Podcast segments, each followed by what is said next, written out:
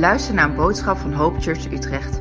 Als je meer over ons wilt weten, ga dan naar www.hopechurchutrecht.nl.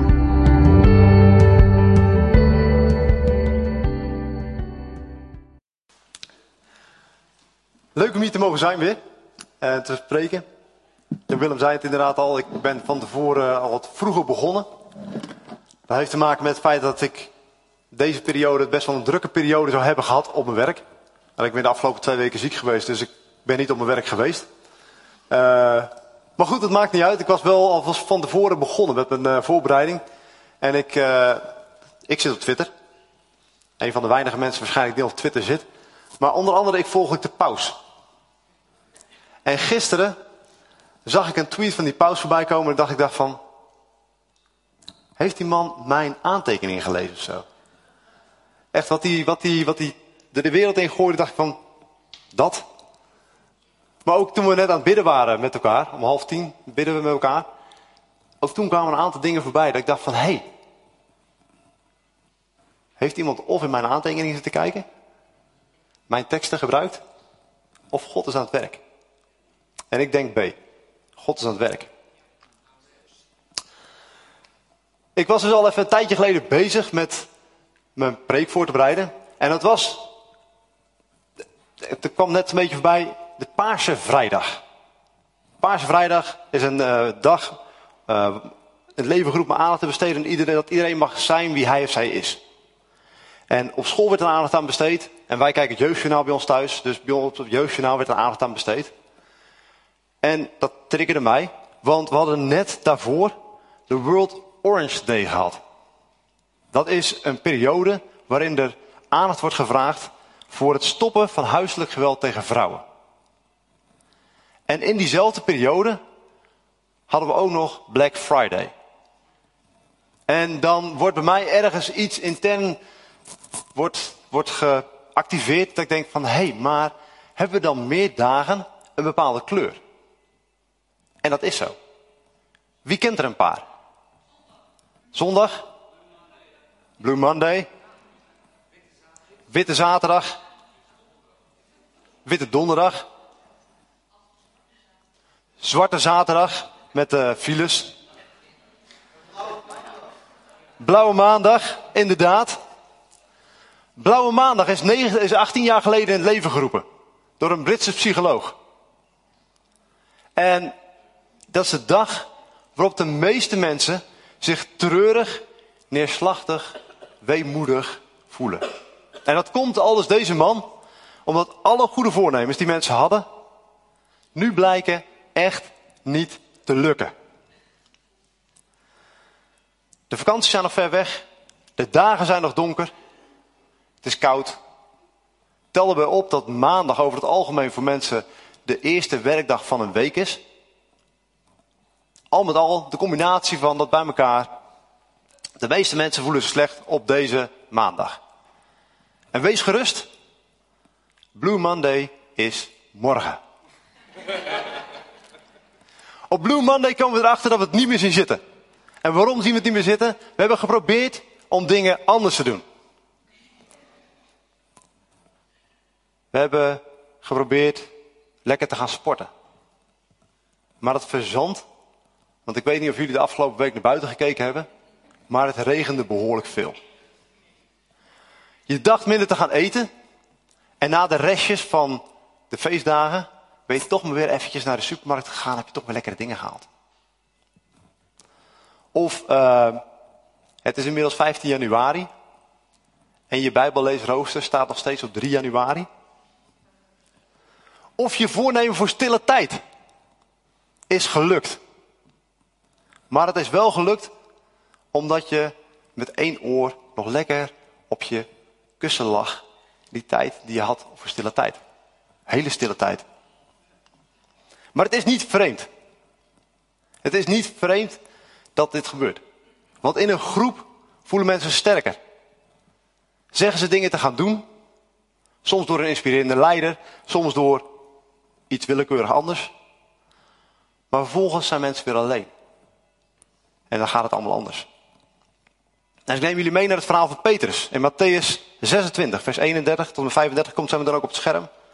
Dan zijn we op het punt dat Jezus bijna wordt opgepakt.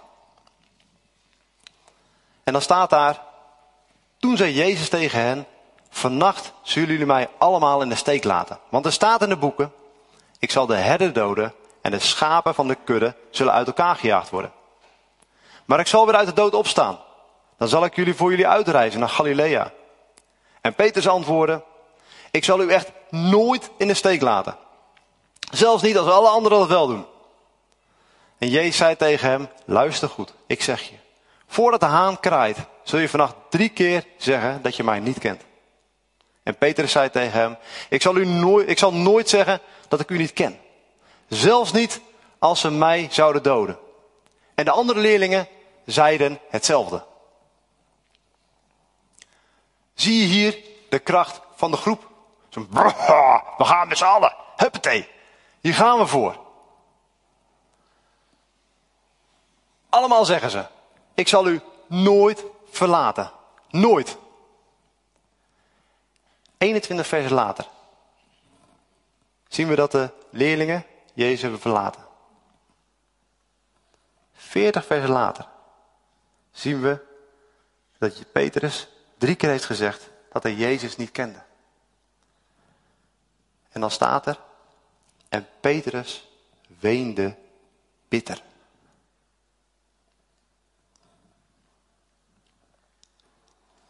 Petrus. Petrus had zijn eigen Blue Monday op Witte Donderdag. Een verschrikkelijk moment waarvan ik blij ben dat ik er niet bij was. Of niet in zijn schoenen sta. Want hier werd voor Petrus heel erg duidelijk dat hij het op eigen kracht niet kon.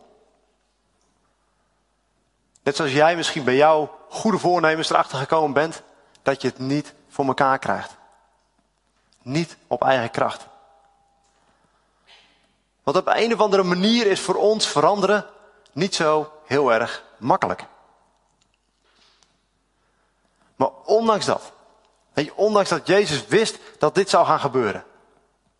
Ondanks dat Jezus wist hij verlaat zou worden door zijn discipelen, waren dit wel de mensen waarmee hij zijn kerk zou gaan beginnen.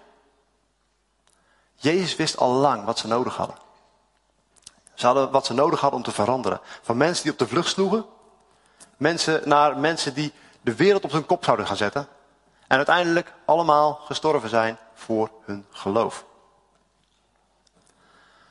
De vraag is dan alleen, waar ligt de sleutel van het succes? Waar ligt de sleutel van het succes voor Petrus en alle andere discipelen? En wat kunnen wij met elkaar daaruit leren? Daarvoor gaan we naar Handelingen. Handelingen 1, vers 4.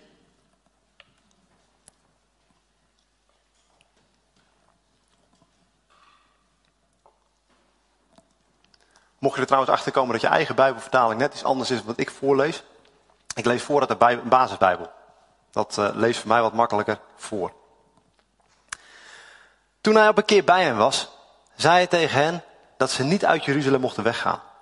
Hij zei dat ze in Jeruzalem moesten blijven, wachten op wat de Vader beloofd had. En ik heb jullie al verteld wat die belofte is, zei Jezus. Johannes doopte met water, maar binnenkort zullen jullie met de Heilige Geest worden gedoopt. De mensen die daar bij hem waren vroegen hem, Heer, gaat u er nu voor zorgen dat Israël weer een eigen koninkrijk wordt? En hij antwoordde, het gaat jullie niet aan wanneer het gaat gebeuren. Alleen de Vader weet dat. Hij bepaalt wanneer dat zal zijn. Maar jullie zullen de Heilige Geest krijgen. Hij zal jullie kracht geven. Dan zullen jullie aan de mensen gaan vertellen wat jullie van mij hebben gezien en gehoord. Eerst in Jeruzalem, dan in heel Judea en Samaria en daarna in de hele wereld.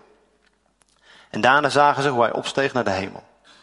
Toen kwam er een wolk en toen zagen ze hem niet meer. Dit hier is een van de belangrijkste delen van de geschiedenis van de Bijbel. De hemelvaart. En mensen zeggen wel eens dat vers 8 het sleutelvers is voor het hele Bijbelboek Handelingen. Vers 8 zegt, maar u zult de kracht van de Heilige Geest ontvangen die over u komen zal. En daar begint ook meteen een grote verandering voor de discipelen. En het ontvangen van de kracht van de Heilige Geest die over mensen komen zal, is niet heel vreemd voor de discipelen om dat te horen. Want ze kenden het Oude Testament en daarin werd regelmatig gesproken over mensen die de kracht van de Heilige Geest hadden ontvangen en daardoor andere dingen gingen doen. Nou ben ik even benieuwd. Wie kent de voorbeelden van uit het Oude Testament waarin de Heilige Geest over iemand kwam en die daardoor andere dingen ging doen? Sal, ja, heel goed. Sorry?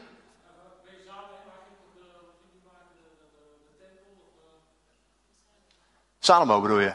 Of? Besalio. Ik, ik, dat is er eentje, die ken ik echt niet. Ik geloof je meteen. David? Ja. Jacob? Elia. Elia. Jozef? Ik dacht aan Gideon. Gideon die was bezig met het kaf van het koren te scheiden. Dat deed hij in een grot. En ik weet niet of jij wel eens een keertje eh, kaf van koren hebt moeten scheiden, maar daar heb je een klein beetje wind van nodig. En over het algemeen is er in een grot niet heel veel wind. Maar hij was daar omdat hij bang was voor de vijand. En dan komt er een engel en die engel zegt, uh, die vertelt dat, dat, dat God Gideon roept om Israël te bevrijden. En Gideon antwoordt vervolgens waarom hij geen held kan zijn. Want zijn familie is de armste in Manasse. Hij is zelf een onbelangrijke zoon, omdat hij de jongste is. Maar toch komt de kracht van God over Gideon. En uiteindelijk verslaat hij het leger van de Midjanieten. Duizenden mensen. Met een leger van 300 man. En niet heel veel later zeggen de mensen over Gideon dat hij eruit ziet als een koningszoon. Kracht van de Heilige Geest. David, werd net al even genoemd. David was een man die een teruggetrokken leven leidde, totdat hij gezalfd werd door de profeet Samuel. En dan zegt het in Samuel, nadat David was gezalfd door Samuel, en de geest van de Heer werd vaardig over David vanaf die dag voortaan. En ik denk dat heel veel mensen hier weten wat voor grote dingen David gedaan heeft. Wat voor grote dingen David geschreven heeft. Elia werd net al even genoemd. Maar toen Elisa de taak van Elia over ging nemen, wist hij dat hij daarvoor de kracht van de Heilige Geest nodig had.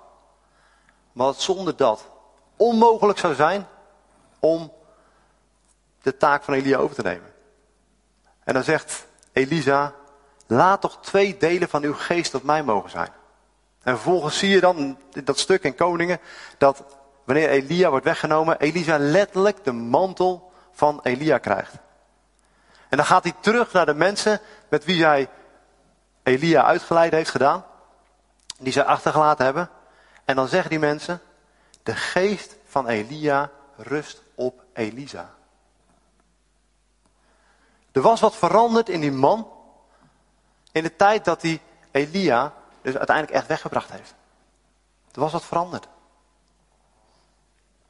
Gewoon een aantal voorbeelden van mensen die de discipelen als voorbeeld konden nemen als ze dachten aan de kracht van de Heilige Geest. Ze kenden al die verhalen. En dan zegt Jezus, u zult de kracht van de Heilige Geest ontvangen. En daarna zouden ze getuigen zijn. Pinksteren, voor ons nu, witte zondag, breekt aan. De uitstorting van de Heilige Geest. En wat zien we vervolgens gebeuren? De discipelen, die worden vervuld met de Heilige Geest. Ze gaan getuigen en de eerste getuigenis die Petrus geeft, zorgt meteen dat 3000 mensen zich bekeren. En in handelingen zien we vervolgens dat de kerk zich verder ontwikkelt. En dat er ook vervolging komt. In handelingen 8 zien we dat Filippus vol van de geest in Samaria komt en daar Jezus predikt. Daar komen heel veel mensen tot geloof. Zoveel zelfs dat uiteindelijk de apostelen die kant op gaan om dat nog een beetje in goede banen te leiden. Vervolgens zien we dat Paulus Jezus leert kennen. Hij wordt gedoopt, ontving de Heilige Geest. En vervolgens schrijft Paulus door de geest geleid. Dat we niet een geest van slavernij hebben ontvangen, die tot angst leidt, maar een geest van aanneming tot kinderen. Waardoor we Abba, Vader roepen. Abba, Vader. De meest intieme vorm van gebed. En die meest intieme vorm van gebed komt voort uit je binnenste. Is niet alleen maar het zijn van getuigen verandert door die kracht van de geest. Ook je bidden gaat veranderen. En niet alleen je eigen bidden gaat veranderen, maar ook als je met andere mensen bidt, zul je merken dat wat verandert.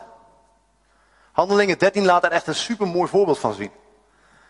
Daar staat, op een dag, toen zij zonder te eten de hele dag aan het bidden waren, zei de Heilige Geest tegen hen, ik heb een speciale taak voor Barnabas en Saulus. Ze baden de hele dag, legden daarna de handen op om hen te zegenen voor het werk wat ze gingen doen. En daarna lieten ze hen gaan. En ik ben nog niet zo heel lang hier in de kerk. Dus ik weet niet precies wat er gebeurt op het moment dat we hier met elkaar aan het bidden zijn. Ik zie het op zondagochtend, half tien. Geweldige tijd. Echt een geweldige tijd. En als je denkt van ja, maar voor wie is het dan eigenlijk? Voor iedereen. Dus kom vooral daar naartoe. Maar ik heb in genoeg gebedsmomenten gezeten. Waarin God begon te spreken. Spreken over waar mensen naartoe zouden moeten gaan. Spreken over wat er gestopt moest worden. Spreken over kerken die geplant zouden gaan worden. Lieve mensen, het spreken van God is voor hier en nu. Dat is niet alleen maar toen in de Bijbel. God spreekt nog steeds. En hij wil tot jou spreken. Terwijl je hier zit. En of het nou is door mijn preek heen. Of het nou is door een lied van zojuist heen. Misschien wel door een stuk in de Bijbel heen wat je leest. Of misschien is het wel zo dat God gewoon rechtstreeks tot jou spreekt. God wil spreken. En daarom is het zo ontzettend krachtig als wij als kerk bij elkaar zijn. Want omdat Gods geest is dan in ons midden. En als Gods geest in ons midden is, dan gebeurt er wat. Die verwachting mag je hebben. God spreekt in ons midden.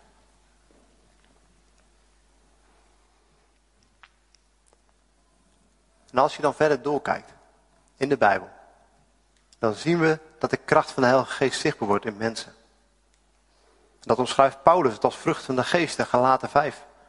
Daar zegt hij, maar door de geest ontstaan liefde, blijdschap, vrede, geduld, vriendelijkheid, goedheid, geloof, hulpvaardigheid, zelfbeheersing.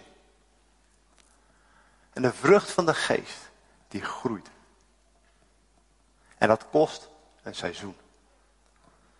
Als je kijkt naar onze eigen tuin, hebben wij verschillende vruchtenbomen, vruchtenstruiken, dingen waar vruchten aan groeien. En al die dingen waar vruchten aan groeien, die groeien op een eigen moment. Bij de ene kan ik in april, mei al wat plukken, als ik voor de vogels ben. En bij de ander is het pas ergens in oktober. Maar ze groeien allemaal wel. En als ik dan denk aan de vrucht van de geest, denk ik terug aan een vrouw in onze oude kerk. Die vrouw kwam binnen als een alcoholiste. Die vrouw kwam binnen met financiële problemen. Ze werd aangeraakt door God. Ze is gestopt met de alcohol. Dwars door de schuldvereniging heen gevlogen. En is nu een compleet ander mens. En dan wordt ze nog wel eens aangesproken door mensen in de wijk. Van joh, hoe kan het nou zijn dat jij zo veranderd bent? En wat ze dan doet, ze zegt, ja, maar dat, dat is bij die kerk. Bij die kerk, daar ben ik veranderd. En als ik me nog wel eens een keertje voorstelde aan mensen in de wijk daar, en zei dat ik een van de leiders was van die kerk, dan was het, oh, maar dan ben jij van de kerk van die vrouw. Dat is de vrucht van de geest die in die vrouw een gigantische verandering heeft gebracht. En toch zijn mensen heel erg. Hoe zal ik het netjes zeggen? We zitten even in een maatschappij waarin alles nu moet gebeuren. Maar kijk eens naar een boom. Boom. Bij ons in de tuin, boom, stam, takken. En nu zie je er niet heel veel aan. Die boom die staat daar, waait een beetje mee in de wind. Dat is het. Maar geef het nog een paar weken. En over een paar weken zie je wat groene dingen ontstaan. Die blaadjes. En nog een beetje later zie je allerlei bloemetjes ontstaan. En weer een beetje later zie je een hele zwerm bijen eroverheen komen. Waarna je kleine appeltjes ziet gaan ontstaan. En die appeltjes, die beginnen te groeien. En dan zie je af en toe die takken een beetje doorzakken. Omdat die appels groter worden. Dan zie je die takken weer een beetje omhoog gaan omdat er weer appels naar beneden vallen. Maar je ziet dat die appels groeien. En september, oktober, dan kan ik een appel van die boom plukken. Maar ik kan naast die boom gaan staan. Nu. En ik kan hem heel erg aangemoedigen. En vooral zeggen dat hij hard zijn best moet doen. Er gebeurt helemaal niks. Ik heb nog nooit gezien dat die appel op een gegeven moment begint te persen en dan komt er in één keer een appel aan die appelboom. Nog nooit gebeurd.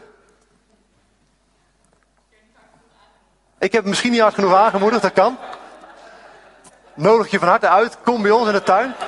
Ga vooral die bomen aanmoedigen. Maar dat werkt niet. Die boom, die vrucht, heeft tijd nodig om te groeien.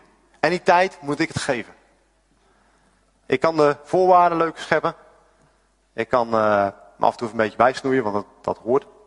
Ik kan hem uh, een klein beetje uh, extra mest geven. En als het droog is, een beetje water. Al moet je hem niet te veel water geven, kennelijk, want hij moet wortelen. Nou, prima. Ik ben niet de beste tuinman, maar ik weet wel, je moet hem vooral tijd geven. Kijk naar mijn eigen leven.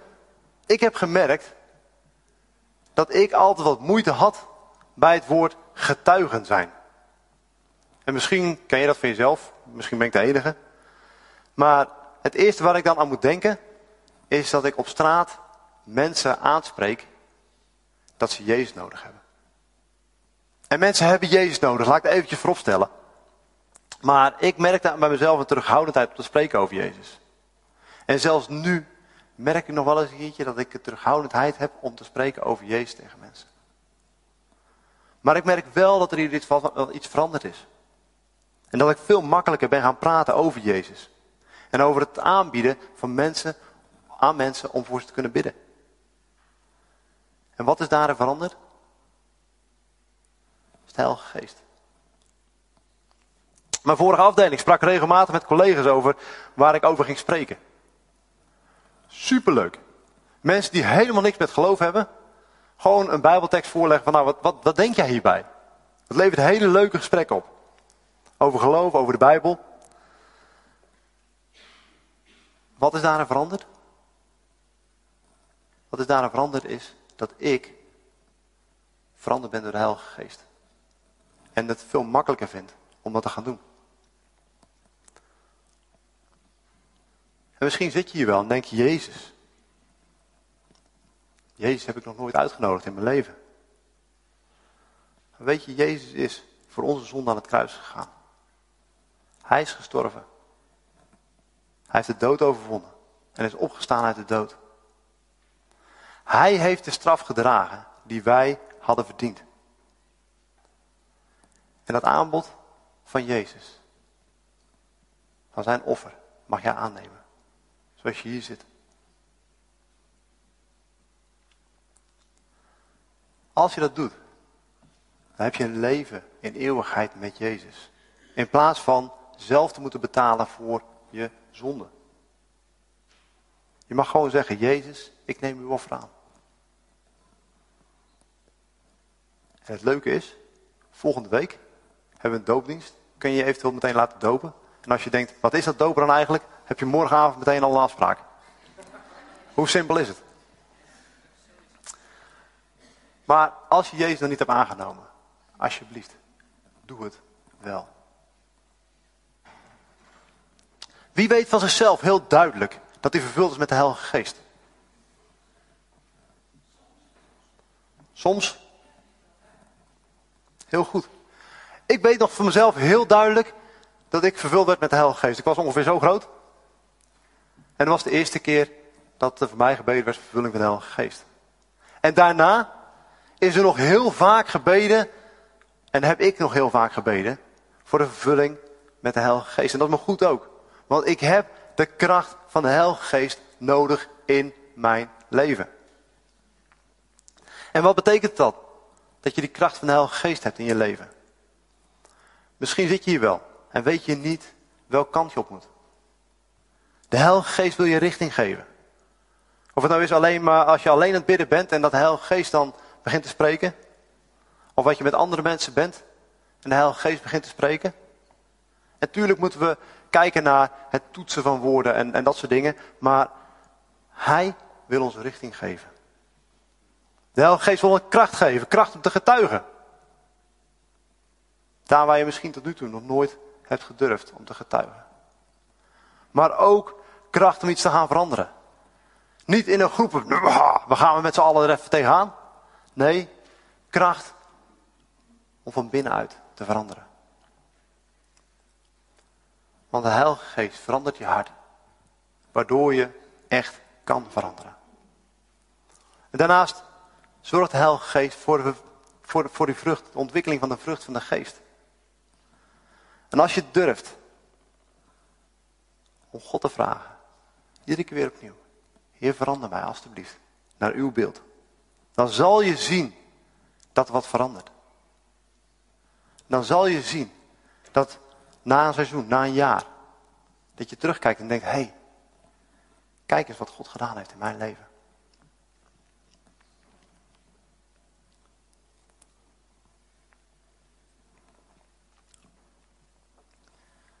En dan is het heel makkelijk om een verkeerde conclusie te trekken. Dus ik zal heel duidelijk, heel kort even zeggen wat ik niet zeg.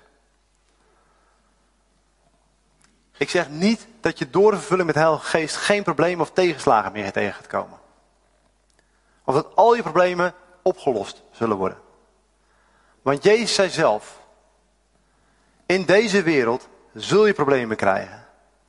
Maar ik heb de wereld overwonnen. En problemen in deze wereld zijn er genoeg. En christenen ontkomen daar ook niet aan. Gisteren keek ik, was ik aangesloten bij een digitale begrafenis. Waar mensen die voor de tweede keer binnen 100 dagen een kind weg moesten brengen. Dus ik kijk hier in de kerk. Er zijn er genoeg mensen die te vroeg afscheid hebben moeten nemen van mensen. Er zijn crisissen in het land. Van alles en nog wat aan crisissen die ook ons raken. Jan Willem die uh, zei het zelfs dat we als kerk ermee te maken hadden. Vanwege de gestegen kosten alleen al. Hij vroeg daarbij ook meteen om financieel mee te willen bouwen aan de kerk. Maar daarnaast leven we ook in een land waar jaarlijks 1 op de 11 mensen met een depressie te maken krijgt. Niet een tegenslag zoals een Blue Monday, maar een echte depressie. En als kerk zijn we daar niet van uitgezonderd. Maar als jij een van die mensen bent, dan hoop ik dat je de vrijheid zult voelen om er niet alleen mee te blijven lopen. Weet je, wij zijn geen, nou anders gezegd, ik ben geen professionele hulpverlener. Dus ik kan je niet professioneel ergens verder helpen. Maar als kerk kunnen we er wel voor je zijn. En hoef je er niet alleen doorheen te gaan. Wat ik ook niet zeg, is dat wanneer Jezus je leidt, alles direct, lukt. Duidelijke voorbeelden zie je in het leven van Paulus, die om verschillende redenen verhinderd werd dingen te doen. Duidelijke voorbeelden zie ik in mijn eigen leven. Ik weet ook niet waarom bepaalde dingen waarop God heel duidelijk gesproken heeft in mijn leven, of in onze vorige kerk, nog niet zijn gelukt. Maar ik weet wel dat God ons leidt en ons laat groeien. Zoals we hier bij elkaar zitten, hebben we allemaal de kracht van de Heilige Geest nodig. Niet iedereen die hier zit is geroepen om een apostel of een kerkleider te worden. Maar iedereen is geroepen om te leiden in zijn eigen leven. Om te leiden in zijn eigen gezin. Iedereen is geroepen om een getuige te zijn van het geweldige werk wat Jezus heeft gedaan. En daar is kracht en wijsheid voor nodig. Iedereen heeft de kracht van de Heilige Geest nodig om te leven op de manier waarop God wil dat je leeft. De kracht om te starten, om misschien wel te stoppen. De kracht om het ook vol te kunnen houden. Niet als een goed voornemen, maar als een goede beslissing. Waarin je kan gaan veranderen. Wat ik graag wil doen is met elkaar zo meteen gaan staan om te bidden voor de vervulling met de Heilige Geest. En het maakt dan niet uit of het voor de eerste keer is, of dat je net zoals mij afgelopen week een aantal keer gebeden hebt voor de vervulling van de Heilige Geest. Je mag gaan staan en dan begin ik met bidden. Dan zal ik stil zijn. En dan mag je voor jezelf bidden. Voor de vervulling met de Heilige Geest. En dan geef ik daarna weer over aan Jan Willem om het allemaal de goede banen te leiden. Maar zouden jullie al willen gaan staan? Dan gaan we bidden.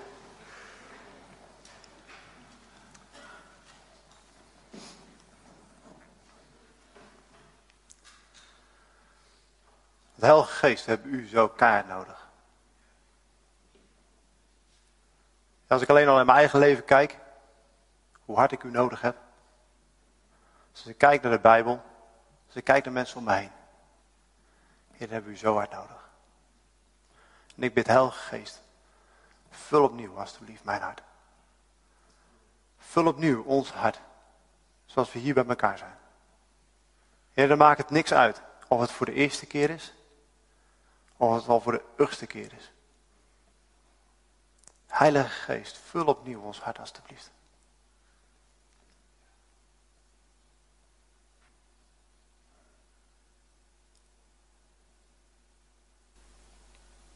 Vul ons opnieuw alstublieft.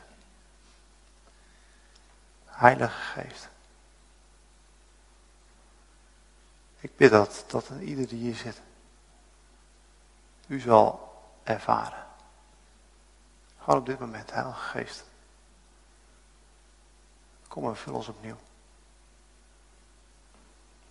Of het nou voor de eerste keer is, ik bid dat dat iemand zal voelen, dat hij echt merkt, hij, er verandert wat. Of het nou voor de zoveelste keer is. Iemand zal voelen, hé, hey, er verandert wat. Heilige Geest. Vul ons opnieuw alstublieft. Tot eer van de Vader. Amen. Bedankt voor het luisteren en we hopen dat je hierdoor bemoedigd bent. Als je meer wilt weten over Hope Church Utrecht, ga dan naar www.hopechurchutrecht.nl. Tot de volgende keer.